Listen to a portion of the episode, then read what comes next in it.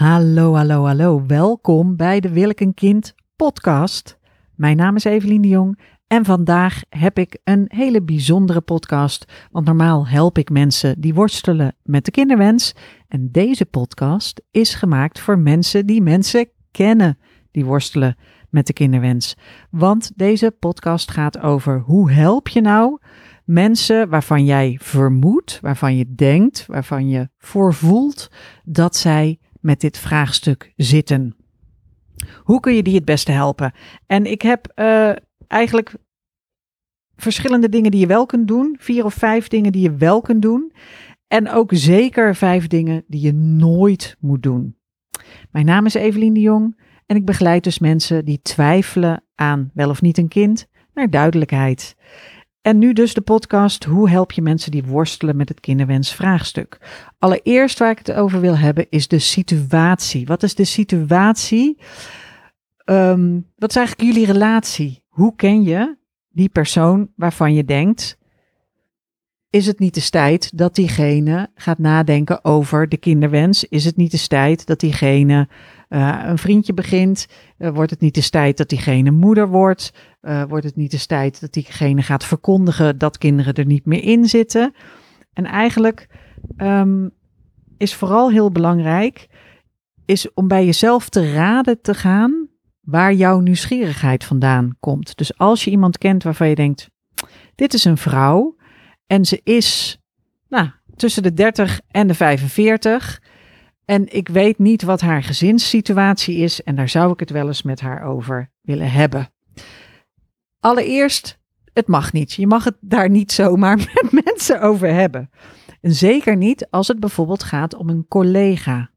Als het gaat om, om een collega of iemand die je kent op een professioneel gebied, dan is het niet jouw plaats om die vraag te stellen.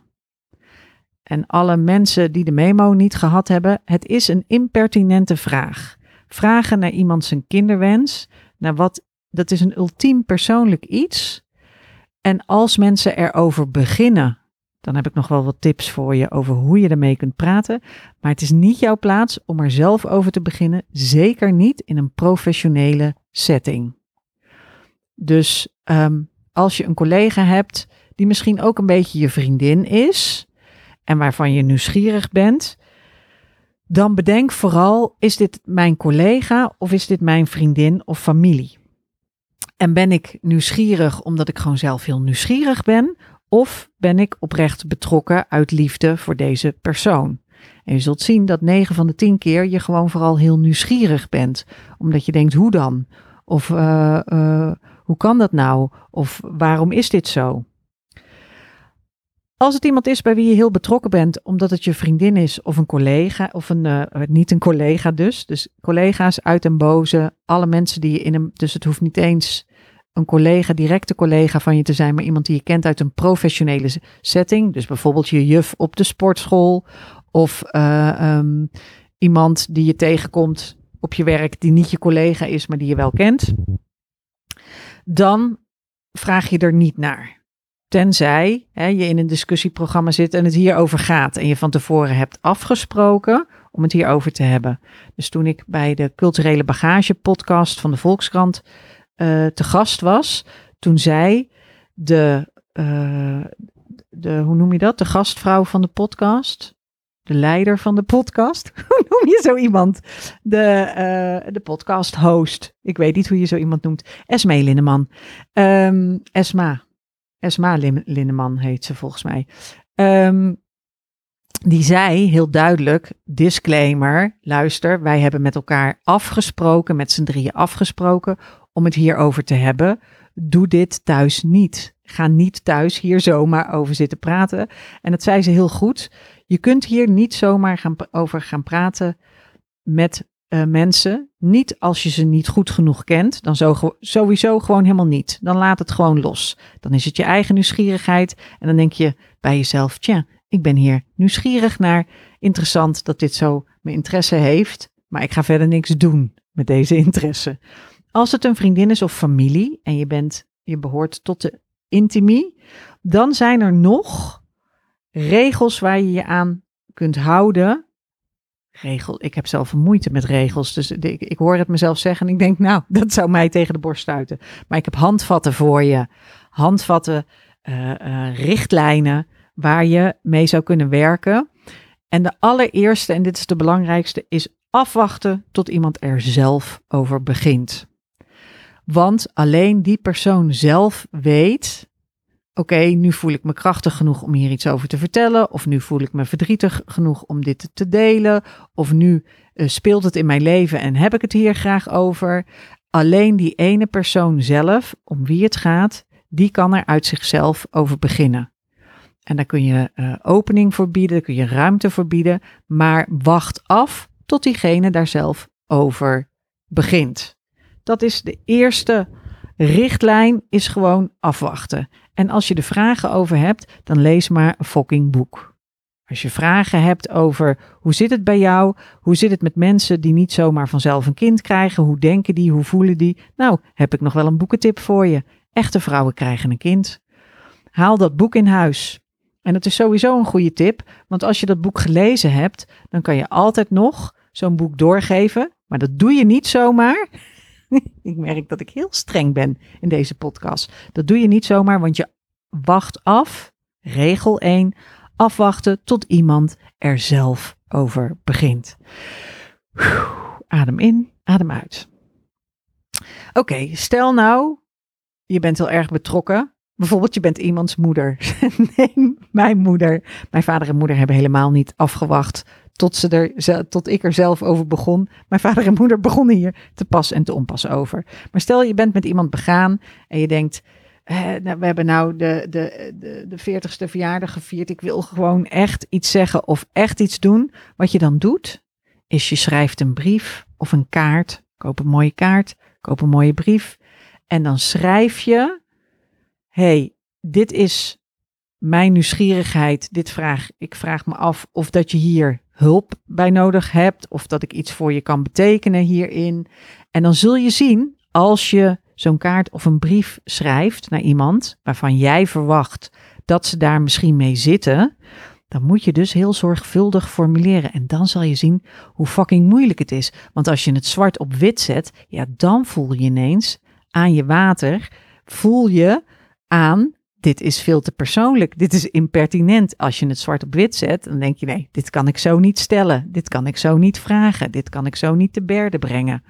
Dus je wacht af tot iemand er zelf over, over begint. Als je denkt, oké, ik ontplof, ik moet er nu over beginnen, dan zet je een pen op papier. En dat zal je afremmen. Dat zal je hè, wel twee keer. Maar als je het goed weet te formuleren. En als je denkt: oké, dit is een brief, daar ben ik tevreden over. Je schrijft dus niet een e-mail. Je gaat niet een appje typen en dan op send klikken. Want je wil dat degene die dit leest. de brief open kan maken in een eigen privé setting. Waar ze zelf in, in hun eigen huis, bij hun eigen brievenbus. dat ze dit zelf kunnen openmaken en dan kunnen denken: oké, wat moet ik hiermee? Nu nog even niks. Ik leg het nog even weg. Ik lees het een andere keer. Of ik lees het nog een keer na. En die zorgvuldigheid en die, dat niveau van formuleren, dat is echt nodig als je van plan bent zo'n impertinente vraag te stellen. Ook als het je vriendin of familie van je betreft. Juist dan. En dan wil je die moeite ook doen. En als het een collega is of iemand die je professioneel kent, dan is het een impertinente vraag en mag je hem niet stellen. Oeh, ik ben blij dat er eh, geen mensen zijn die ruzie met me zoeken op dit moment, want ik geloof dat ik makkelijk zou winnen. Ehm, zo'n kaartje of zo'n brief, ik denk dat als je die formulering, dat is dus de tweede tip, hè, wat kun je wel doen? Afwachten tot mensen er zelf over beginnen. Dat ga ik gewoon lekker nog honderd keer zeggen in deze podcast. Afwachten tot mensen er zelf over beginnen. Als je dat niet meer aan kan, dan schrijf je een kaartje of een brief. Wat je ook kan doen, is als je denkt van nou, ik wil hier echt meer over weten, dan kijk je dus films en maak je hier aantekeningen over. Of je haalt dat boek in huis, Echte Vrouwen Krijgen een Kind. Of uh, er is nog een boek dat heet Baby Dilemma. Of het boek Soms wil ik een kind van Jantine Jongebloed. Of uh, nou ja, er zijn legio boeken als je houdt van um, Hakuri Murakami, Murakami, ik weet niet hoe ik het uitspreek, dan, dan is er ook een goed boek en dat is van Miko Kawakami. Miko Kawakami. borsten en eitjes, dan lees boeken hierover. En dan tip je eventueel die. En dan kun je zelfs nog gewoon in een plastic tasje meenemen, helemaal ingepakt. En dat je zegt, goh, hey, ik heb dit boek gelezen, ik vond het heel interessant, misschien is wat voor jou. Als niks voor jou is, zet je het in een gratis boekenkastje, ben je er weer vanaf. En dan zie je wel of dat die mensen daarop terugkomen of niet. Dat is tip 3. Dus afwachten tot de ander er zelf over begint, is tip 1. een kaartje of een brief schrijven en daar eventueel nog een boek bij stoppen. Um, als stel nou dat jullie een gesprek erover hebben. Dus stel nou dat er een opening is, er is ruimte, hè? Uh, je timing is goed. De ander begint er zelf over. Wat kun je dan doen? Wat kun je dan zeggen? Allereerst is dat je moet vragen naar wat degene die met dit vraagstuk zit van jou verwacht. Dus als ik degene ben die met dit vraagstuk zit, stel Evelien die weet niet of dat ze een kind wil of ze weet dat ze heel graag een kind wil, maar ze kan geen vriend vinden en ze weet dat ze heel graag een kind wil, maar ze kan het in de eentje niet betalen of ze weet dat ze heel graag een kind wil, maar ze kan geen intentioneel co-ouder vinden, dan um, vraag dan aan mij, als ik jouw gesprekspartner ben, wil je dat ik meedenk? Wil je gewoon even spuien? Hè, wil je klagen of wil je getroost worden? Of heb je iemand nodig voor praktische zaken? Dus vraag naar wat diegene, als het gesprek op de kinderwens komt, dan vraag wat diegene van jou verwacht. En wat diegene nooit van jou verwacht, is dat jij met een oplossing komt. En wat je sowieso gaat willen doen en gaat proberen doen en ook zult doen, is met een oplossing komen. En dat moet je dus niet doen. Doe het niet. Je hebt geen oplossing. Je bent die ander niet. Je weet niet hoe de vork in de stil zit. Dat ze nu met jou praten betekent niet dat ze jou vertellen hoe hun ware verlangens zijn of hoe hun ware gevoel is. Dat betekent dat ze nu in een golf van emotie zitten of juist heel erg rustig zijn, waardoor ze dit gesprek met jou aangaan. En dan wil je gewoon ruimte bieden en kijken naar wat de ander nodig heeft. Dus als er een gesprek plaatsvindt, dan vraag aan de ander wat de ander van jou verwacht. Wat, wat diegene het liefst het beste zou helpen. Dat is je vraag. Wat zou jou nou helpen? En zo stap je dan in het gesprek. Ik had gisteren met mijn eigen coach een sessie waarvan ik, ik, ik, ik kwam binnen in die sessie en ik zei, en zei ze, oh, wil je even vijf minuten klagen? En toen zei ik, ja, eigenlijk wel. Eigenlijk wil ik even vijf minuten klagen. En toen was ik een tijdje aan het fulmineren. En toen keek ik op, toen zei ik, hoeveel minuten zijn er voorbij? Toen zei ze drie. Ik zei, oké, prima. Ga ik nog twee minuten door. En toen had ik vijf minuten heerlijk geklaagd. En toen was mijn dag al een stuk beter. Maar vraag dus naar wat ze willen. En dan de vijfde tip, hè, als het gesprek er is, dan doe je Nivea. Ja, is een term die ik een afkorting niet voor een ander invullen. Niet voor iemand invullen. Weet ik niet. Nivea was de afkorting en het klopte ook nog. Niet invullen voor een ander. Dus gewoon meer vragen stellen. Dat is eigenlijk. Dus ook mijn werk bestaat vooral uit heel veel vragen stellen. Alleen heb ik ook nog heel veel inhoud en doe ik dat heel gericht. En uh, begeleid ik mensen in een bepaalde volgorde naar dingen. Maar als jij met iemand een gesprek hebt over de kinderwens, dan stel vooral veel vragen. En herhaal wat je gehoord hebt. Als je niet wil invullen voor een ander, dan herhaal je letterlijk, gebruik letterlijk dezelfde woorden als degene die met de kinderwensvraagstuk zit, als diegene gebruikte. En dan herhaal je wat diegene tegen jou gezegd heeft. En zo help je diegene ook echt verder. Waarbij dus essentieel is dat de timing is dat degene die met het vraagstuk zit het er ook over wil hebben. En niet dat jij als vragensteller je nieuwsgierigheid wil bevredigen. En ehm, als je er al iets over doet, dan doe dat heel zorgvuldig en indirect. Dus met een boek, met een kaartje of een brief. En als je ehm, dat gesprek hebt, dan vraag naar wat diegene van jou verlangt. En dan wees vooral een spiegel. en blijf weg van oplossingen. En als je nou denkt van ja, ik weet niet zo goed hoe ik empathisch kan reageren, want dat is eigenlijk wat ik je nu uitleg om te doen, dan typ je in op Google RSA empathie en dat is een filmpje van Brené Brown. Duurt nog geen drie minuten, staat het perfect in uitgelegd. Staat perfect in uitgelegd hoe jij empathisch kunt reageren op iemand die twijfelt over wel of niet een kind. Dus empathisch reageren op de kinderwenstwijfel, dat kan je in drie minuten leren. RSA empathie van Brene Brown. En dat filmpje moet je kijken voordat dit gesprek plaatsvindt. Dat waren mijn tips. Afwachten tot iemand er zelf over begint, kaartje of brief, boek en dan vragen naar hoe kan ik het beste reageren als het gesprek zich voordoet. Expliciet dus vragen, wat wil je van mij? En daarnaast nog spiegelen en empathisch zijn uh, en, en, en uh, met diegene meebewegen in, die, in, in diens twijfel en ruimte bieden aan die twijfel. Dat zijn de vijf dingen die je wel moet doen. De vijf dingen die je nooit moet doen. Nooit. Op één staat nooit er zomaar over beginnen.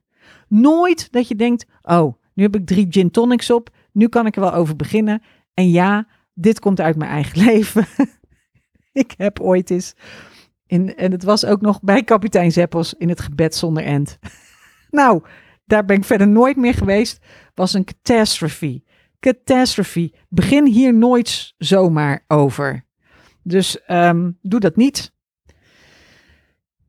Ik wilde een vergelijking maken met iets met oorlog, maar dat is niet gepast in deze tijden. Maar begin hier nooit zomaar over. Dat moet je gewoon niet doen. Ook niet als je heel nieuwsgierig bent, dan schrijf maar die brief als je het niet meer in kunt houden.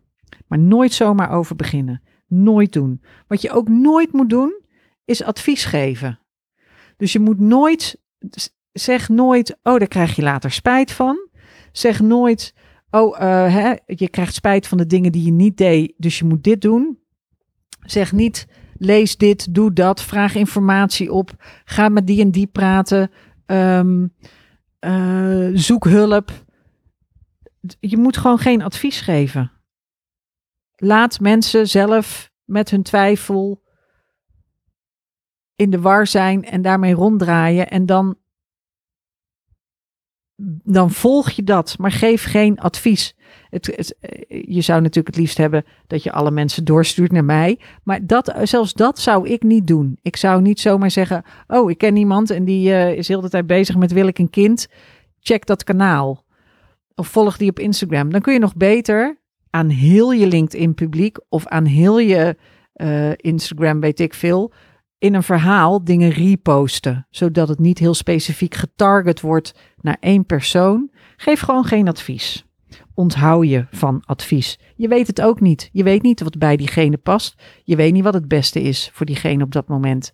Als diegene nog helemaal niet toe is aan hulp of advies, dan heeft het helemaal geen zin. Dan werkt het alleen maar contra, contraproductief om te zeggen: uh, zoek hulp bij een psycholoog. Um, dus nooit zomaar over beginnen. Geen advies geven. En wat je ook niet moet doen is hints droppen. Hou daarmee op. Ga geen hints zitten droppen.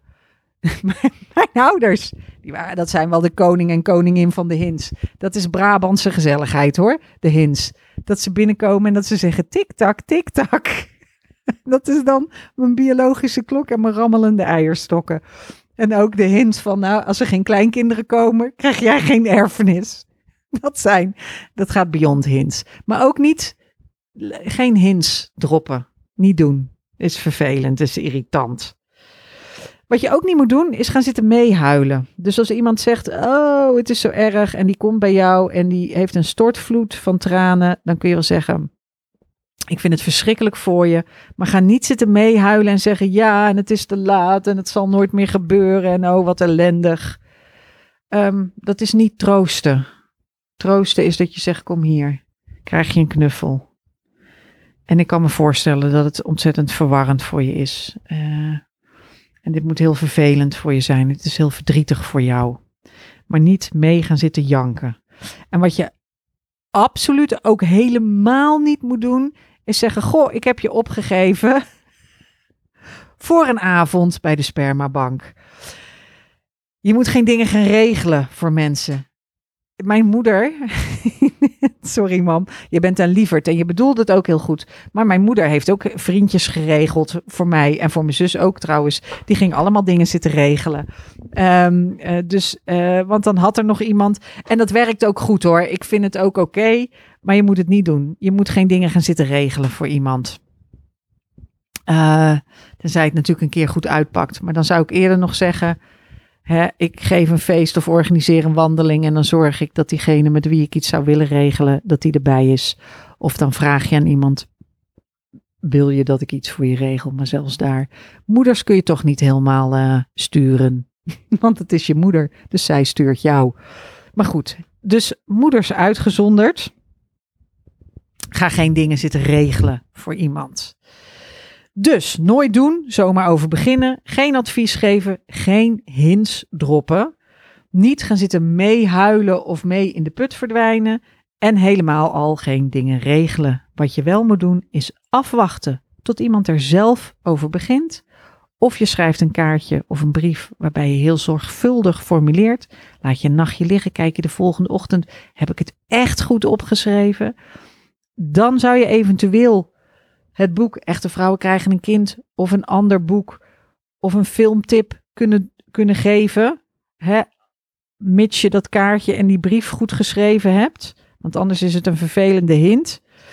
Ehm, als het gesprek op deze levensvraag komt, als het gaat over het kinderwensvraagstuk, dan vraag je naar wat heb jij van mij nodig? Hoe kan ik jou helpen? Wil je dat ik meedenk? Wil je dat ik, uh, wil je gewoon spuien? Wil je klagen? Wil je door mij getroost worden? En dan zeg je uiteindelijk gewoon, het komt allemaal weer goed. Dat is ook wel eens reassuring om te horen in de plaats van, uh, uh, het is ook allemaal, we zijn allemaal fucked. Dat horen we in deze herfst al vaak genoeg. En um,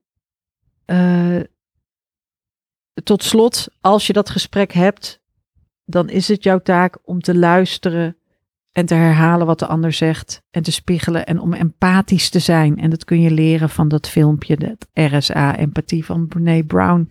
Kun je gewoon googlen, binnen drie minuten weet je hoe je dat dan doet. Zo, nou deze podcast, die kunnen we dus sturen naar iedereen die wel eens impertinente vragen stelt over uh, de kinderwens. En deze podcast is dus bij uitzondering niet voor mensen die kinderwenstwijfel ervaren, maar voor mensen die mensen kennen die kinderwenstwijfel ervaren. En uh, nou, deel dit al een, in grote getalen, dan uh, weten weer meer mensen wat ze absoluut wel moeten doen en wat ze absoluut niet moeten doen als ze iemand zien worstelen met dit uh, afschuwelijke, interessante en ook prachtig mooie vraagstuk. Maar het kan ook heel vermoeiend zijn. En dus niet zomaar over beginnen. Nou, ik hou erover op. Doeg!